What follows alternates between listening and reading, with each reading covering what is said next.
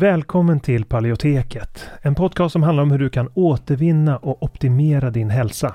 Vi presenterar spännande forskning, praktiska verktyg och inspirerande berättelser som ska hjälpa dig att ta makten över din egen hälsa.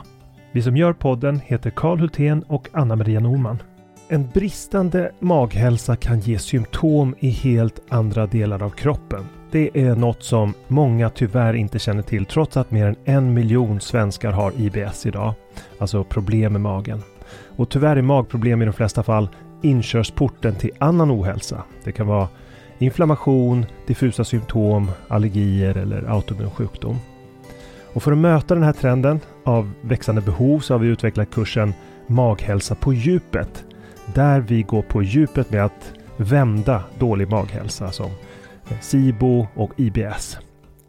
Och det här är viktiga delar av kursen som vi talar om och den senaste forskningen på de områdena. Och vi djupdyker i vad forskningen säger om de senaste naturliga terapiformerna, kostmetoder, kosttillskott, probiotika och så vidare. Och kursen den kickar igång fredagen den 3 maj och har fyra olika faser och tre frågestunder live. Och dessutom har vi olika resurser och guider att ladda ner från kursplattformen. Så du kommer få lära dig allt om hur du kan använda kosten som en väg till läkning, när, var och hur, hur du kan använda olika kosttillskott och probiotika. Och om du redan är medlem i Hälsodetektiverna så får du som vanligt en rabatt på allt vi gör, så även den här kursen. Och den här kursen tror vi är en perfekt väg för dig mot en bättre maghälsa där du inte bara får lära dig ett metodiskt tillvägagångssätt för att minska dina symptom utan också förstå de underliggande orsakerna. För att läsa mer om kursen och anmäla dig till den går in på paleoteket.se och klickar på utbildning. Eller klicka dig vidare från länkarna i podcastbeskrivningen. Så varmt välkommen till Maghälsa på djupet. Vi ses där när kursen startar, den 3 maj. Innan vi kör igång med dagens tema vill jag påminna om att den här podcasten har ett utbildande syfte och inte utgör medicinsk rådgivning. Nu kör vi!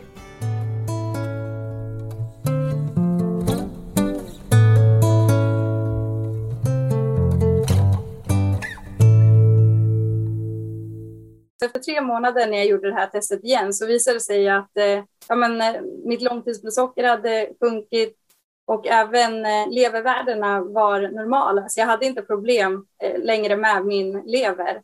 Och eh, fick även eh, förbättrade resultat eh, ja, men, när det kommer till blodfetter och så vidare. Så det blev en enorm boost för kroppen att mat är verkligen medicin. Det gör verkligen jättestor skillnad. I det här avsnittet intervjuar vi Linda Wade som är 28 år och har typ 1-diabetes. Linda är småbarnsförälder och fick diabetes i samband med graviditeten. Under en rutinkontroll hos barnmorskan upptäckte de att hennes fastande blodsocker var för högt och sjukvården gav henne först en blodsockermätare och besked om att hon skulle leva som vanligt och att det inte fanns mycket själv hon kunde göra. Men idag har hon upptäckt att det finns otroligt mycket hon själv kan göra. Hon har uteslutit en lång rad livsmedel och märkt att både fastande blodsocker, blodfetter, långtidsblodsocker och en lång rad andra hälsomarkörer visar att hennes hälsa är betydligt bättre idag än då hon fick sin diagnos. Det här avsnittet har vi spelat in under det senaste året och det är en del av vår onlinekurs som heter AIP Masterclass. Här kommer intervjun med Linda Wade.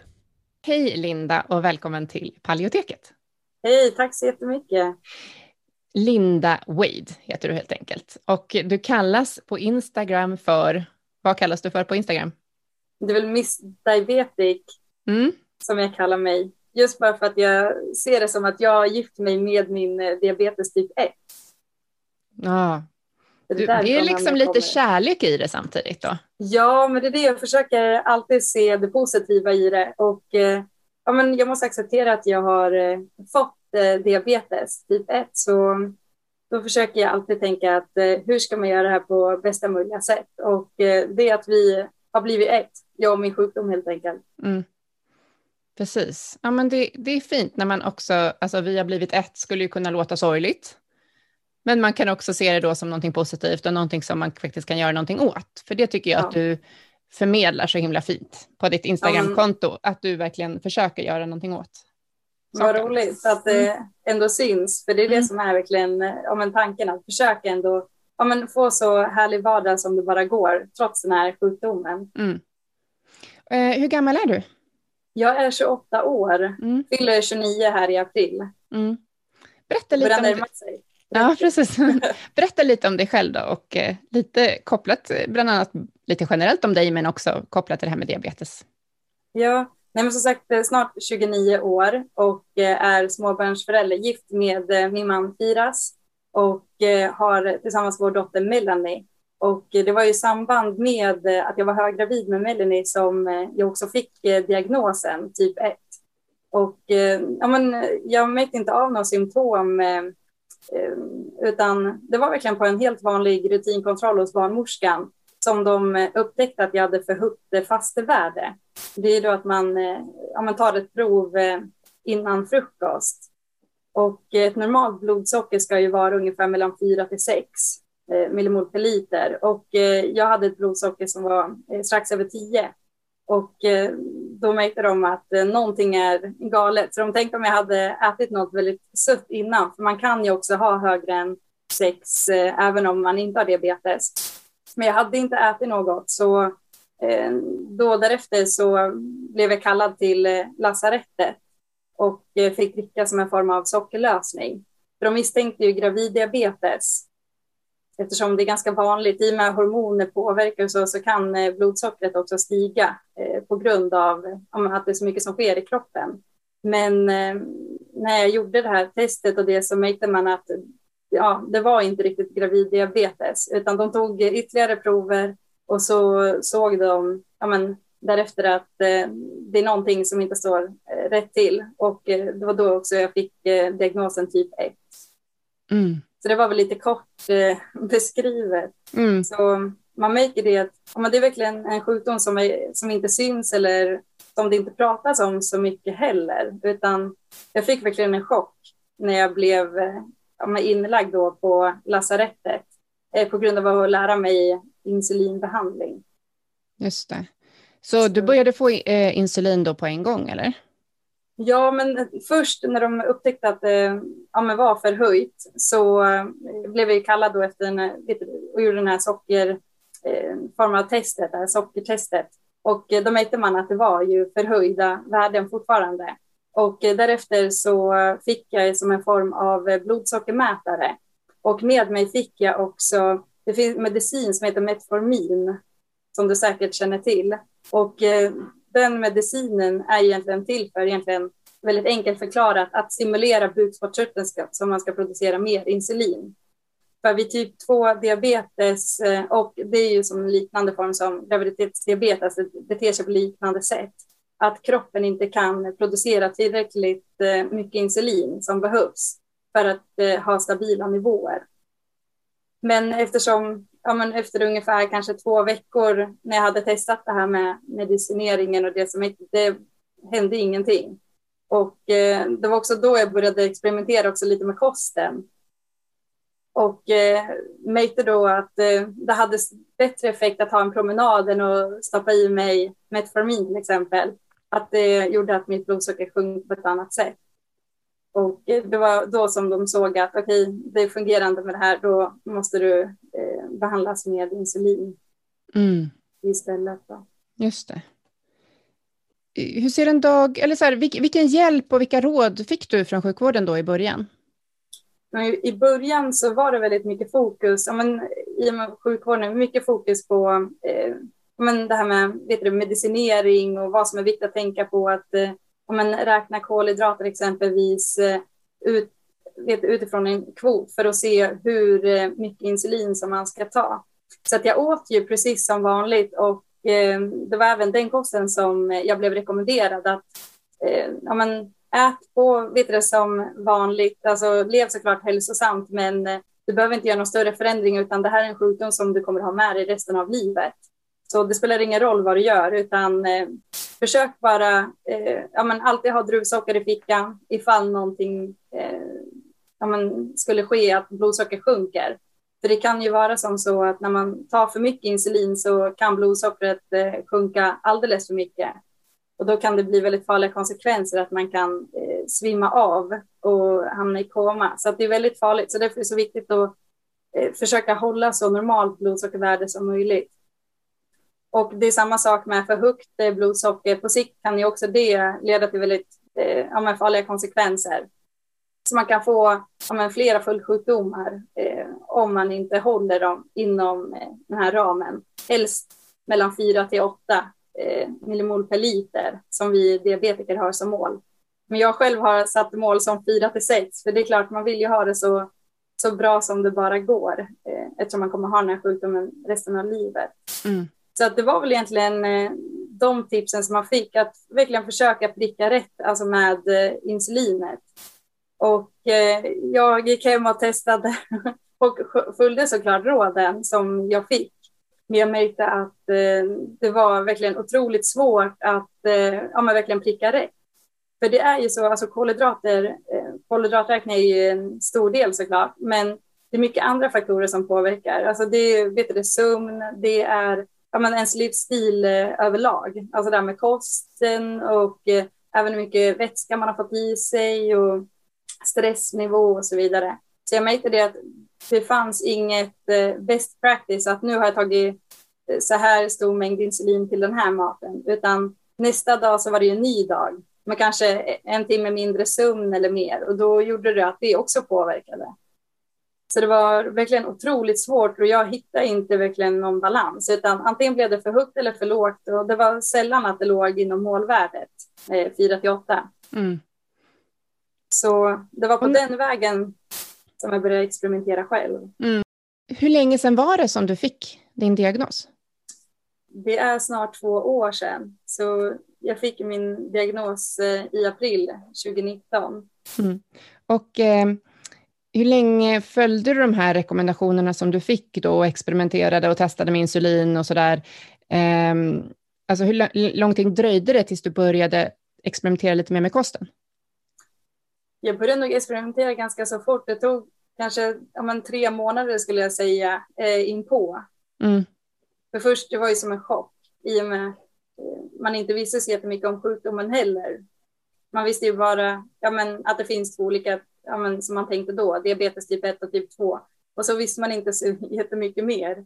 Eh, så man har ju lärt sig eh, otroligt mycket genom att eh, ja, men, testa sig fram. För det var ju det i samband med att jag fick min typ 1-diabetes så fick jag också som en sensor som jag har här på armen. Nu syns mm. inte den så bra, mm. men jag har den ju alltid med mig och med den så kan jag ju mäta mitt blodsocker 24-7 egentligen, eller glukosvärdet. Och det var också på det sättet som jag verkligen såg att ja, men, tar jag bort till exempelvis ja, men, det här från tallriken så märker jag att det ger den här effekten okej, om jag sover så här mycket, vad ger det då för effekt? Så att man märkte ju ja, men redan ganska så snabbt efter ja, men några månader att det går att påverka mm. blodsockret mycket mer än ja, men, vad man har vetat från första mm. början. Mm, verkligen. Mm. Men hur, hur skulle du beskriva, hur ser en dag ut för en diabetiker? Då? Hur många mätningar gör man och hur mycket behöver man hålla koll på blodsockret? jag gör väldigt många mätningar just nu eftersom jag är mitt uppe i att verkligen experimentera och testa mig fram. Men det är verkligen olika. Det finns, man kan säga att det finns som två olika typer av diabetiker. Det finns antingen de som är väldigt fokuserade på att försöka ja, ha så normala värden som möjligt och tänka att okej, okay, jag har den här sjukdomen. Nu ska jag verkligen se till att mitt blodsocker ja, men, hålls så jämnt som möjligt, att det ska bli så enkelt som möjligt. Och sen finns det den andra gruppen som är mer eh, ja, men att man ska leva på som, som vanligt och man ska inte låta sjukdomen påverka en. Så det är verkligen två olika. Så, och jag hör ju till den första gruppen att jag verkligen ja, men vill eh, optimera mitt blodsocker som det till och med står i min journal. Att, eh, ja, men jag har blivit väldigt intresserad av det här med eh, eh hur mycket vår livsstil har betydelse för blodsockret. Och jag mäter ja, men ofta och äter egentligen eh, utifrån vad, ja, men hur det ser ut inuti, vad mitt blodsockervärde är. Så att är det ungefär runt, om vi säger att det ligger på i överkant vid åtta och då kanske jag minskar på de snabba kolhydraterna och försöker boosta in med eh, om en, mer avokado, mer fett i kosten exempelvis. För att ändå hålla mättnad men inte sticka i blodsockervärde. Och på så sätt så blir det mycket lättare.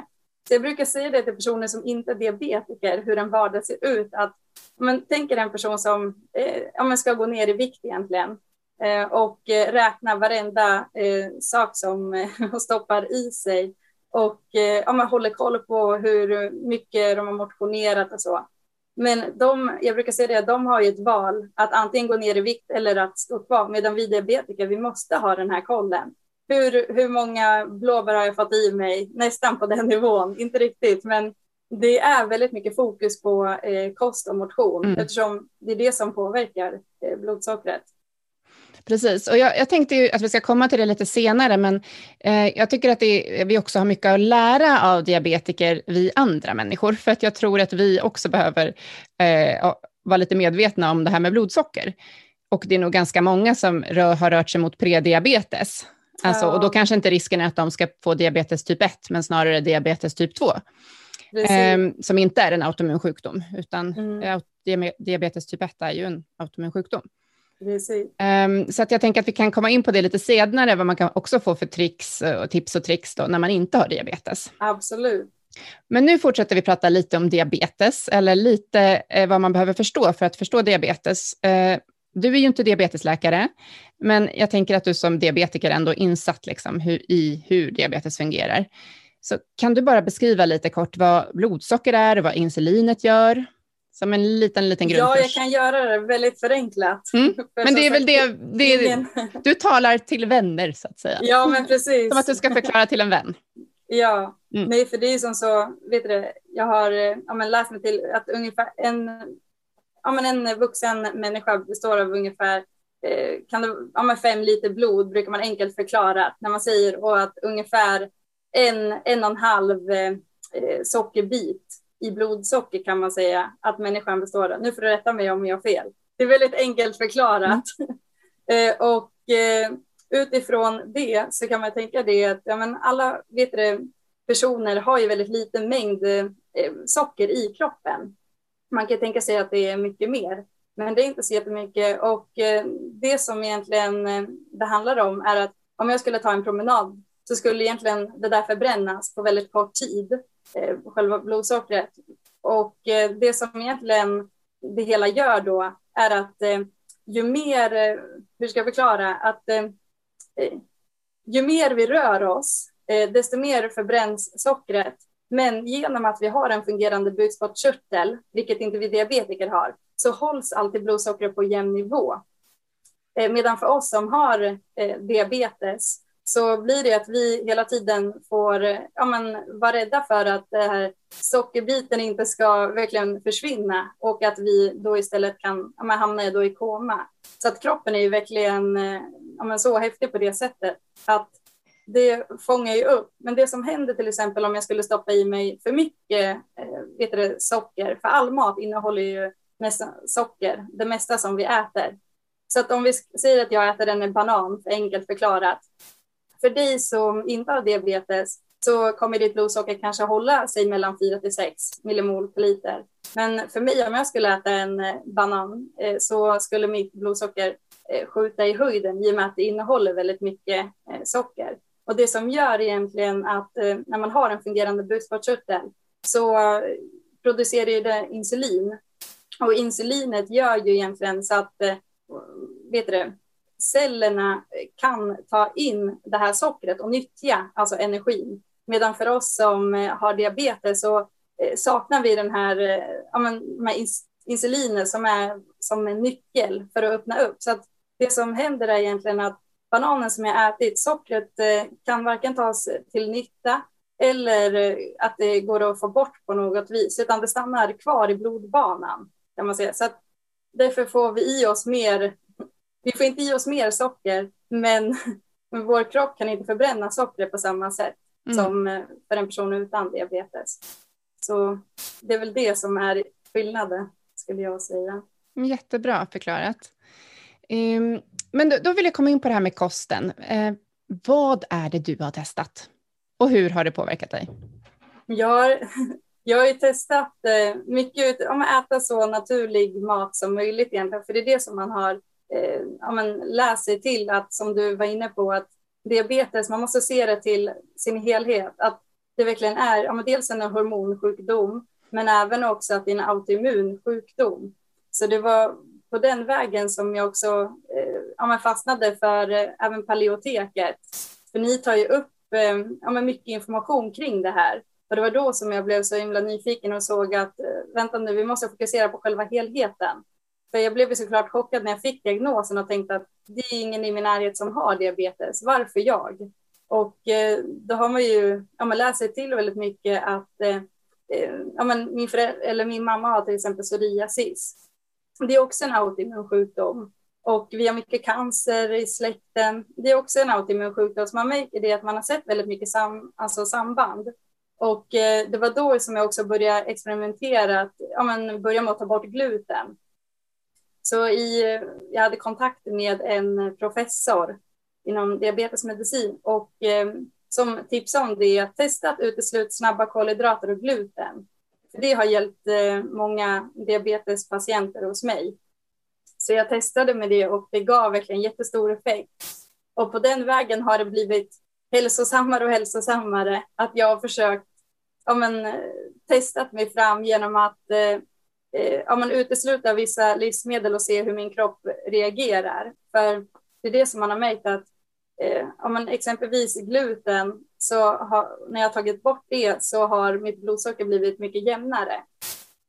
Så det är ganska häftigt det här hur det har direkt påverkan med vad vi äter, hur det verkligen ja, men påverkar oss. Så kort och gott, allt ifrån att bara utesluta vissa eh, produkter Eh, och mejeriprodukter till att börja eh, ja, men, kört eh, AIP som eh, vet du, utesluter väldigt mycket, eh, som tar bort egentligen allt som är som kan vara vet du, inflammatoriskt. Och eh, nu slutligen så har jag börjat testa att, eh, ja, men, mer utifrån eh, min kropp och se vad min kropp reagerar på och försökt hitta att, eh, lösningar på så sätt utifrån tester för att verkligen få svart på vitt. Okej, okay, vilka livsmedel eh, reagerar jag på utifrån ett blodprov som jag har genomfört? Så sen ungefär ett dygn tillbaka så har jag testat det och eh, har fått väldigt stora eh, hälsoeffekter av att utesluta vissa saker. Då. Mm. Ja, men vad spännande. Men jag har ju sett lite där, eh, du har ju varit så duktig på att tagga oss i olika inlägg som du har gjort kopplat ja, till AIP. Ja. jag har verkligen fått mycket inspiration. Ja, Nej, men så det var ju roligt att se liksom ändå. Men, men så att, om vi säger så här, den här stegen har varit, först uteslöt du några livsmedel, det var gluten bland annat.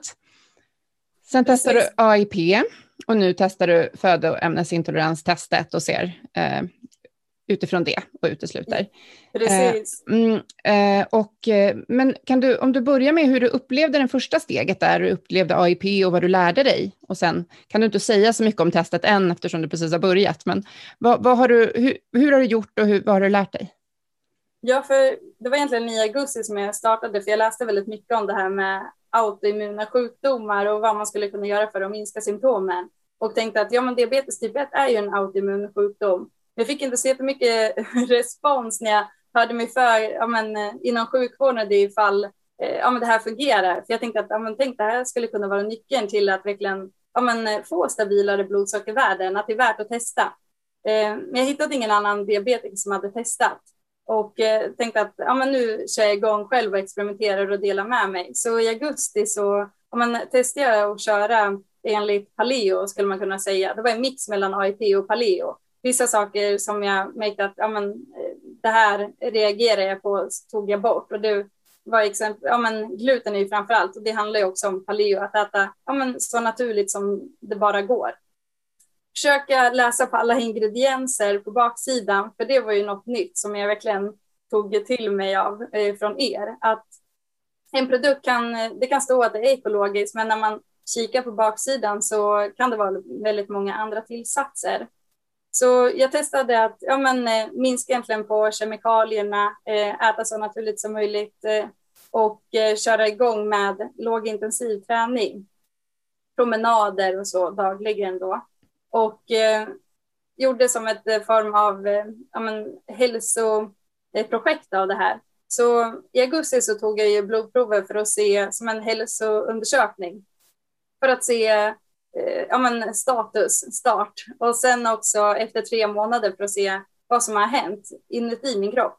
För det är skillnad att känna sig mycket piggare och fräschare, men det är helt annat att se eh, hur det ser ut inifrån. Och eh, då vet du, ja, men fick jag jättebra eh, hjälp från dem. Så på den vägen så när jag gjorde de här eh, tre månaderna egentligen så märkte jag ju det att eh, det gav enorma effekter. För eh, när jag gjorde det här första testet eh, så såg jag bland annat att jag hade förhöjt levervärde. Det var även andra värden eh, som jag inte hade räknat med som var förhöjda. Och då var det dels det, men sen var det också att jag hade förhöjt långtidsblodsocker, HbA1c som det kallas, som är tre månader bakåt i tiden, som man kan se. Så det var förhöjt och även fastevärdet var förhöjt och även några andra värden. Mm. Så att, eh, så då tänkte jag okej, okay, nu blir det intressant att se. Så efter tre månader när jag gjorde det här testet igen så visade det sig att eh, ja, men, eh, mitt långtidsblodsocker hade sjunkit och även eh, levervärdena var normala. Så jag hade inte problem eh, längre med min lever.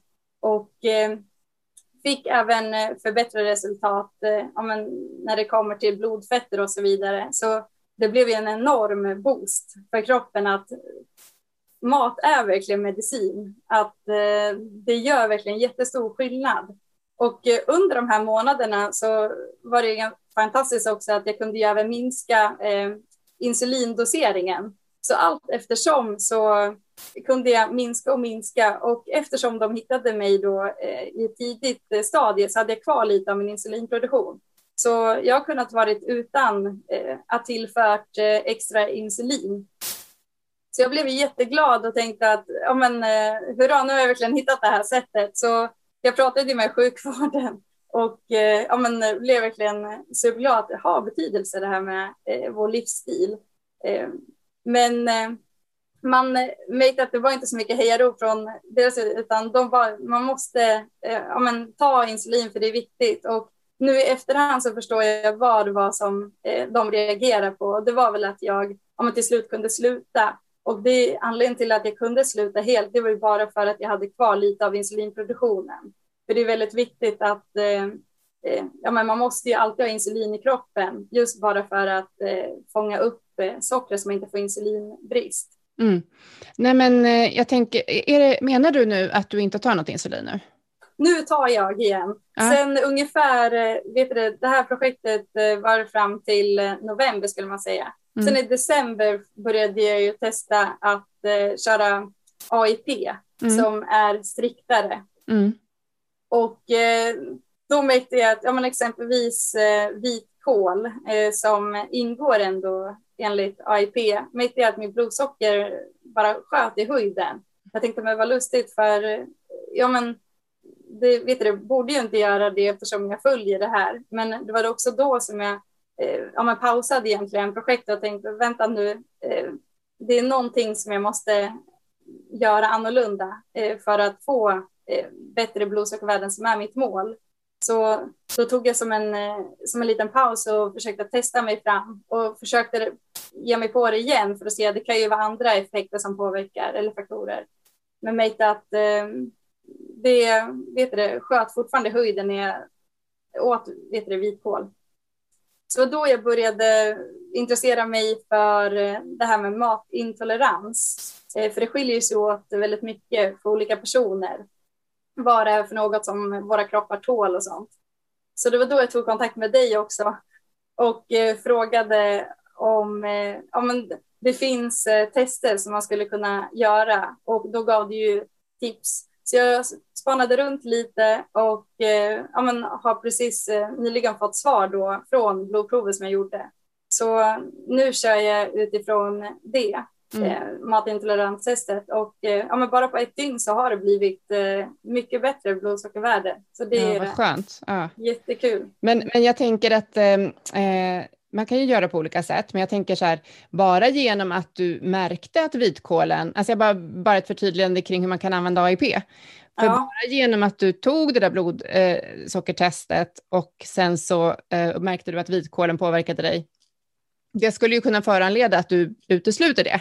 Precis, Äh, och det är så- det. Och, Mm. Exakt. Så utan egentligen att du tog ett blodprov så skulle du kunna dra den slutsatsen. Absolut, Mm. verkligen. Och det var därför, för jag blev lite förvirrad här. För jag tänkte att ja, men jag vill ändå följa eh, den här dieten. Men så Mm. tänkte jag att finns det något annat sätt istället för att spara tid Mm. för att jag ska kunna göra det här på tre månader. För annars det kan ju ta tid. För man måste vara väldigt eh, uppmärksam ju. För Mm. dels är det ju blodsocker som man kan kika på, vilket är riktigt, riktigt bra. För där ser Mm. man ju ofta direkt vad som händer Mm. eh, när man äter. Och eh, för att verkligen få det här bekräftat så tänkte jag att men jag skulle vilja göra det här testet. Mm. Och det visade ju sig att jag eh, vet det, har ju en form av överkänslighet när det kommer till kol. Mm. Så det visar Ja, det är en jättebra nyckel för dig. hur, exakt, Mm. och det visar ju verkligen ja, men, hur, hur bra det är med ja, men, AIP och Mm. eh, vet du verkligen ja, men, försöka hitta vad som Mm. fungerar för en själv. Men det som är, är, är jättebra är ju liksom att, att man får ju veta en viss typ av födoämnesintolerans där. Eh, men till Precis. exempel får man ju inte veta vilka, om man har problem med magen till exempel, vilka livsmedel som man eh, får bli dålig i magen av. Nej, Man får inte veta i ett blodprov riktigt Nej. på samma sätt. Så det är ju jättebra, de kan ju komplettera varandra också på ett väldigt Precis, bra sätt. det jag tänkte säga. Ja. Ehm, nej men, eh, jättespännande. Och då är det väl de mest röda där som du har tagit bort, då, de som är rödmarkerade i den där listan så att säga. ja, det stämmer. Mm, mm. Så, det, så nu försöker jag verkligen också om man, hitta form av livsstil som eh, ska fungera långsiktigt. Så det jag gör egentligen är att jag utgår från eh, vet du det, testet nu och sen också att jag eh, ja, men minimerar Mm. och även minskar, Mm. som du säger, de som är rödlistade. För det är flera livsmedel där som, ja, men, framförallt när man har en känslig tarm som man har vid autoimmun sjukdom, som man ska undvika. Mm. Och man märker att det ger stor effekt. Mm. Jo, precis. Ehm, det som jag tänkte på, just det, för det är ju IgG-test, eller hur? Ja, Typ av antikropp som du har mätt i IgG. precis. Mm. IgE och sen eh, Nej, IgG, precis båda två. Det är Ja, allergi och, ja, precis. tolerans. Mat. Ja. Exakt, det stämmer. Mm. ja, men spännande. Hoppas att det kommer funka bra för dig nu när du börjar. Ja, Det här var bara dag jag- ett. Precis. Det här är Mm. bara dag ett. Men det är ju så, eh, vet du det, det som är så kul när man mäter själva blodsockret också, för annars kan man ju få symptom på andra vis också. Mm. När man äter något som eh, men kroppen inte riktigt vill ha. Ja, men Eh, exakt. Men Nej, men- man Ja, men det är väldigt konkret. Men vi har ju det som ett verktyg tyg i autoimmun handbok, liksom som ett komplement eller en finjustering kopplat till AIP. Att man också, så i grunden kanske inte alla vill eller behöver börja mäta sitt blodsocker. Men känner man efter Precis. 30 dagar att man inte får resultat och att man känner att man vill gå vidare, man kanske inte direkt har problem med magen, men man känner att man inte fått så bra eh, resultat, då kan man gå Precis. vidare och just göra det. Så det är jätteintressant att höra liksom, hur du gör detta. När mät, brukar du mäta i relation, om du vill ta reda på just eh, till exempel vitkålen där? Jag, jag tycker att man får eh, ganska så bra koll nästan hyfsat direkt. Det jag märker är framför allt alltså nattvärdet skulle jag säga och det är lite svårt att sticka sig i fingret kanske mitt under natten. Mm. Men så man skulle väl kunna köra då morgonvärdet, alltså fastevärdet, direkt på morgonen innan frukost. Mm. Ofta då man ser eh, om man har som en slags inflammation i kroppen, i alla fall som eh, utifrån det jag har sett hittills, Mm. att eh, mitt morgonvärde eh, säger väldigt mycket. Fastevärdet. Så jag skulle säga att det är det bästa, alltså Mm. tipset. Att för att testa och, vet du, olika livsmedel så bästa att kika eh, på morgonen. Ja, men superbra. Eh, men är det någonting annat som du tycker är viktigt att tänka på för de som vill börja hålla koll på sitt blodsocker? Men det jag tycker är viktigt, det är verkligen att tänka eh, ja, men just eh, med fokus vet du, på hälsa. Så blodsocker har väldigt stor betydelse. Innan hade jag verkligen ingen koll på blodsocker och tänkte att det där sköter sig själv. Men man märker ju det att eh, det, det sköter sig såklart själv, men det säger väldigt mycket också, eh, ens blodsocker. Så att, ehm, och även det här med att jag kände absolut inga symptom heller. Nu är det inte vanligt att man får diabetes typ 1, utan typ 2 är ju vanligare att man får. Men att verkligen ja, men testa sitt eh, blodsocker då och då. Jag gör det även på min, på min dotter och min man och även vänner ibland när man har middag. För eh, som sagt, man, har in, man känner inte av det om man inte har väldigt, väldigt högt blodsocker så man kan bli väldigt trött och dåsig och sådär. Eh, men eh, efter att man till exempel har ja, men ätit något eh, sött, exempelvis eh, ja, men banan eller vad det kan vara som är sött, att testa efter ungefär en timme för att se vad blodsockret är på. För som sagt, ja, diabetes typ 1 är ju verkligen en snabbt växande alltså folkhälsosjukdom mm. och Sverige ligger i topp det växer verkligen och Sverige är ju alltså i topp i världen. Så mm. vet du, det ska man inte sticka under lite stol med heller, att man måste verkligen, eh, ja, men, även om man inte känner symptom, kolla. För mm. Det kan bli allvarliga konsekvenser ifall man går med för högt blodsocker under en längre period. Mm, precis. Ja, men det är precis det vi rekommenderar faktiskt som i vår metod. Alltså det är ju att, att testa efter måltid och sen ja. testa med olika kolhydratkällor. Precis. För att olika personer reagerar olika på olika kolhydratkällor. Precis. Och det är det också som är häftigt att eh, man har sett, för det är flera diabetiker som har hört av sig och testat nu eh, och ätit enligt paleo. Och man märker att det är inte bara mig det hjälper, utan eh, det hjälper även fler diabetiker. Mm. Så det är superkul att mm. eh, det hjälper så många personer att verkligen få verkligen. stabilare blodsockervärden. Jättebra. Så vilken bra inspiratör du är. Nej, jag, jag verkligen är så ärlig som möjligt. Så jag har mm. tipsat mm. mina vänner och även familj att verkligen ja, men försöka äta eh, ja, men så naturligt och bra det bara går. Mm. Superbra. Träningen då? Du har ju också använt den lite för att eh, påverka ditt blodsocker.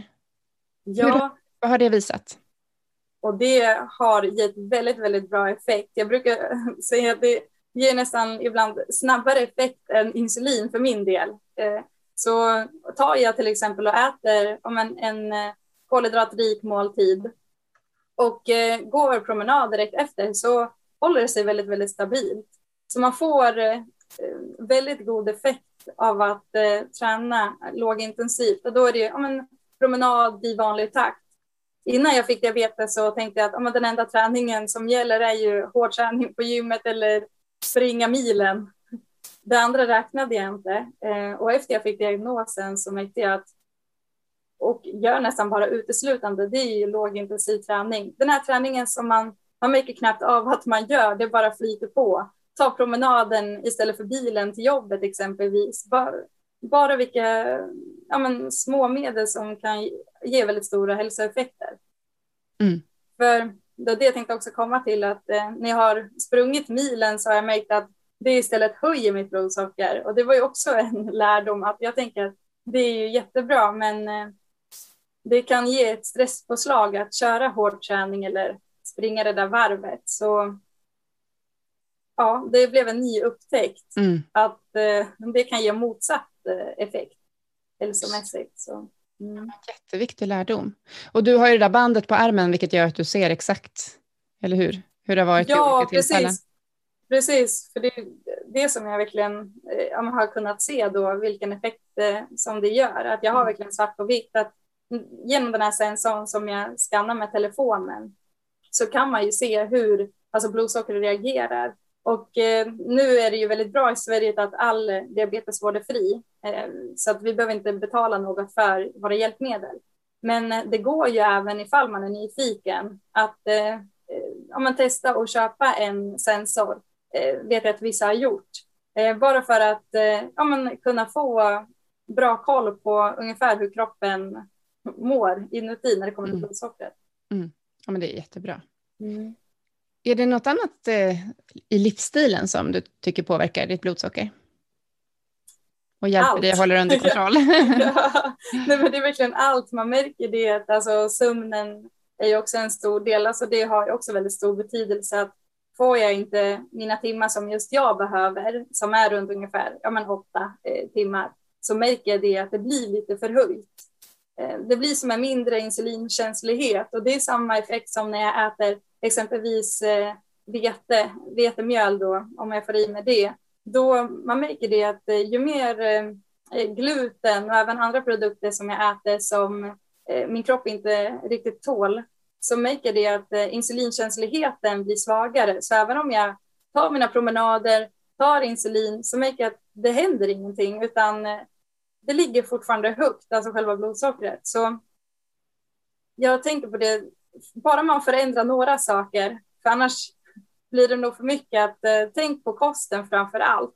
Då gör ingenting att man, eh, ja, man sover lite mindre, för då är det något annat som väger upp istället för att eh, det blir pannkaka av allting, att man eh, går för hårt eh, in och sen struntar man i det som är viktigast.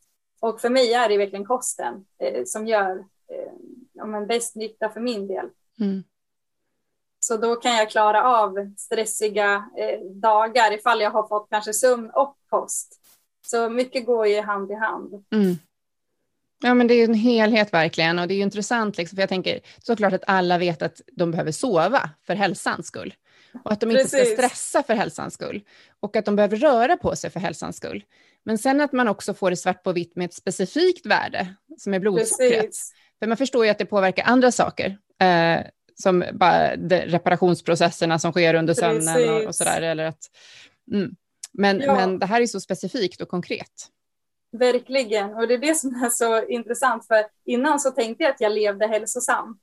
Jag åt, ja men eh, som jag tänkte var hälsosamt och rörde mig på det sättet som jag trodde var hälsosamt för mig.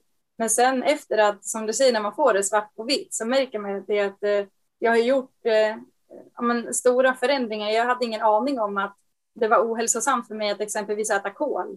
Jag tänker att kål är jättebra, det innehåller jättemånga näringsämnen.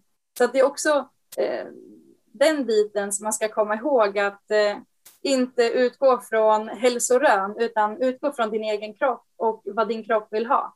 Mm. För eh, det är ingenting, ja, men det går inte att följa någon diet alls utan man måste verkligen skapa sin egen diet och det tycker jag ni, ja, men ni lyfter fram det väldigt bra. Men jag tror det är svårt att ta till sig det eh, om man inte har åkt på ja, men, eh, någon form av autoimmun sjukdom eller liknande, mm. att man börjar förstå att okej, okay, vänta nu, min kropp reagerar på det här sättet fast jag följer den här dieten. Så nej, individanpassning är verkligen nyckeln. Till framgång. Ja, precis. Lite klyschigt. Lite klyschigt, det står i vår bok, men eh, det, det, vi gillar klyschor. Ja, men det är bra. De är ofta sanna. precis. Um, men vad ska du säga är det viktigaste du har lärt dig under den här resan? Det viktigaste är just det här med att eh, för att vi ska kunna få eh, bäst resultat och optimera vår hälsa så är verkligen nyckeln, som också är klyschigt och sagt, det är verkligen individanpassning. Mm. Att eh, fokusera inte på vad andra gör utan följ verkligen din egen väg. För det har verkligen varit en jättestor lärdom för mig. För att det är flera som har eh, försökt påverka och sagt nej det där är fel, att det finns inte vetenskapligt bevis för det där och det där det stämmer inte. Men jag har verkligen försökt eh, fokusera på mitt mål att eh, ja, men, göra ett försök. Att, eh, eh ja, men som sagt, eh, att leva som jag gjorde innan och eh, ta insulin och det, det alltså, fungerade till viss del, men inte att få det målet som jag önskade, att få verkligen så normala blodsockervärden som möjligt. Och då måste man göra en förändring och eh, att eh, våga verkligen tro på sig själv, det är eh, ja, men, superviktigt för att kunna förändra. Mm. Jättefina slutord. Men det är sant, det, och det gäller ju att, att fortsätta experimentera. Liksom bara för att man testar en sak, nu testade du det här med födoämnesintoleranstestet, eh, det, är liksom, det kommer ge dig nycklar vidare. Och sen Precis. kommer du fortsätta efter det till någonting annat. Och du har byggt, och, och, byggt på liksom, de här pusselbitarna i, ditt, i din hälsoresa. Ja, och det är det som är så roligt, för jag kikade ibland, kollade i, vet du, eh, bakåt och så där, för att se också hur långt man har kommit. Och eh, det som är så intressant, eh, just bara för att jag har ju väldigt mycket fokus på blodsockret då, men att se hur, hur min kurva såg ut förut jämfört med idag och mm. vad jag tycker är högt idag jämfört med bara för ett halvår sedan. Ett halvår sedan då tänkte jag att den här nivån var hög och nu tänker jag ja, men det blir bara det blir lite ja, men smalare. Mm. Och man märker det att det, nej, fokus på att eh, göra en förändring om det inte känns rätt. Och jag läste igår senast min journal. Ibland eh, kan det vara kul att färska upp minnet från när man fick sin diagnos eh, till nu. Och I början så var det mycket eh, ja, men, sjukvården att jag fick en kommentar att jag är rädd för att ta insulin. Men det är för att de, de trodde att jag var det då bara för att jag kunde minska och göra på andra vis. Eh, för jag ser det som en del i behandlingen är ju såklart insulin. Men en också väldigt stor del är ju ens livsstil, att leva så hälsosamt som möjligt. Och eh, senast jag hade samtal med eh, min diabetessjuksköterska så skrev hon att jag, jag gör allt för att optimera blodsockret och det tycker jag är så bra att ja, men, det har verkligen gått från att de har trott att jag har varit rädd för att ta medicin till att fokus är verkligen att optimera och eh, leva så hälsosamt som möjligt. Så det är riktigt roligt att kolla då. En sak som jag vet att många diabetiker funderar på, det är ju det här med kolhydratnivåer. Som hur mycket kolhydrater man ska äta. Mm. Eh, vad, vad är din erfarenhet? Vad, vad har funkat för dig? Det där är också så himla individuellt. Det som, eh, jag har ju faktiskt inte eh, räknat i och med att jag har hållit mig eh, till en hyfsat låg kolhydratkost. Och eh, vågar inte svara på exakt hur många gram och så som jag får i mig per dag. Utan jag skulle egentligen säga att eh, fokus, istället för att fokusera på eh, antal, alltså mängd kolhydrater, fokusera istället på att äta så kvalitativa kolhydrater som möjligt. Eh, fokus på eh, men frukt till exempel, att man eh, vet, äter det, eller istället för att man äter exempelvis pasta som är vanligt, så skulle man kunna eh, ja, men istället föra in sötpotatis och strunta i att fokusera på mängden, utan istället att man anpassar eh, ja, men utifrån ens dag. Så jag brukar tänka så här att om jag ska ta en promenad eller träna direkt efter måltid, ja, men självklart behöver jag kanske lite mer sötpotatis på tallriken. Men om jag ska sitta framför datorn och arbeta exempelvis, ja, men då skulle jag kunna köra eh, mer avokado och eh, ja, men färre kolhydrater.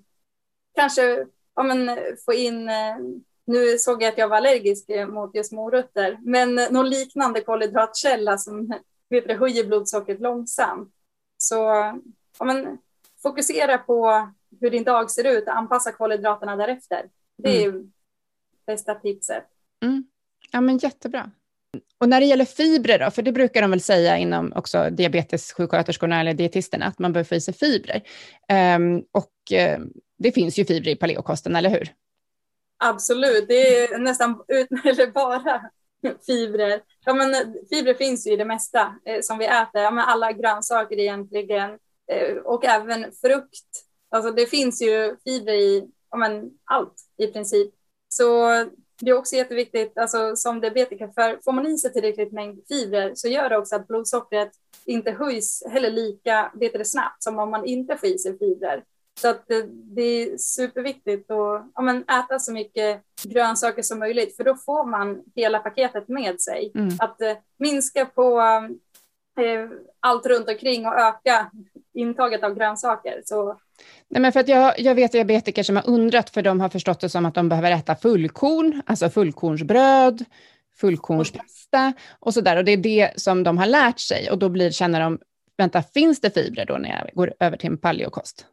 Jag känner mm. igen mm. det där och eh, det är det som är så lustigt att fokus är på ja, men, bröd, alltså fullkornsprodukter som bröd och pasta och så vidare, för det innehåller inte alls mycket av eh, det kroppen behöver, utan fokusera på att äta verkligen ja, men, så näringsrikt som möjligt. Och näring, bröd, visst, det beror på hur man bakar brödet. Det går att göra det väldigt bra. Men jag skulle istället eh, rekommendera att äta broccoli istället för en eh, brödskiva.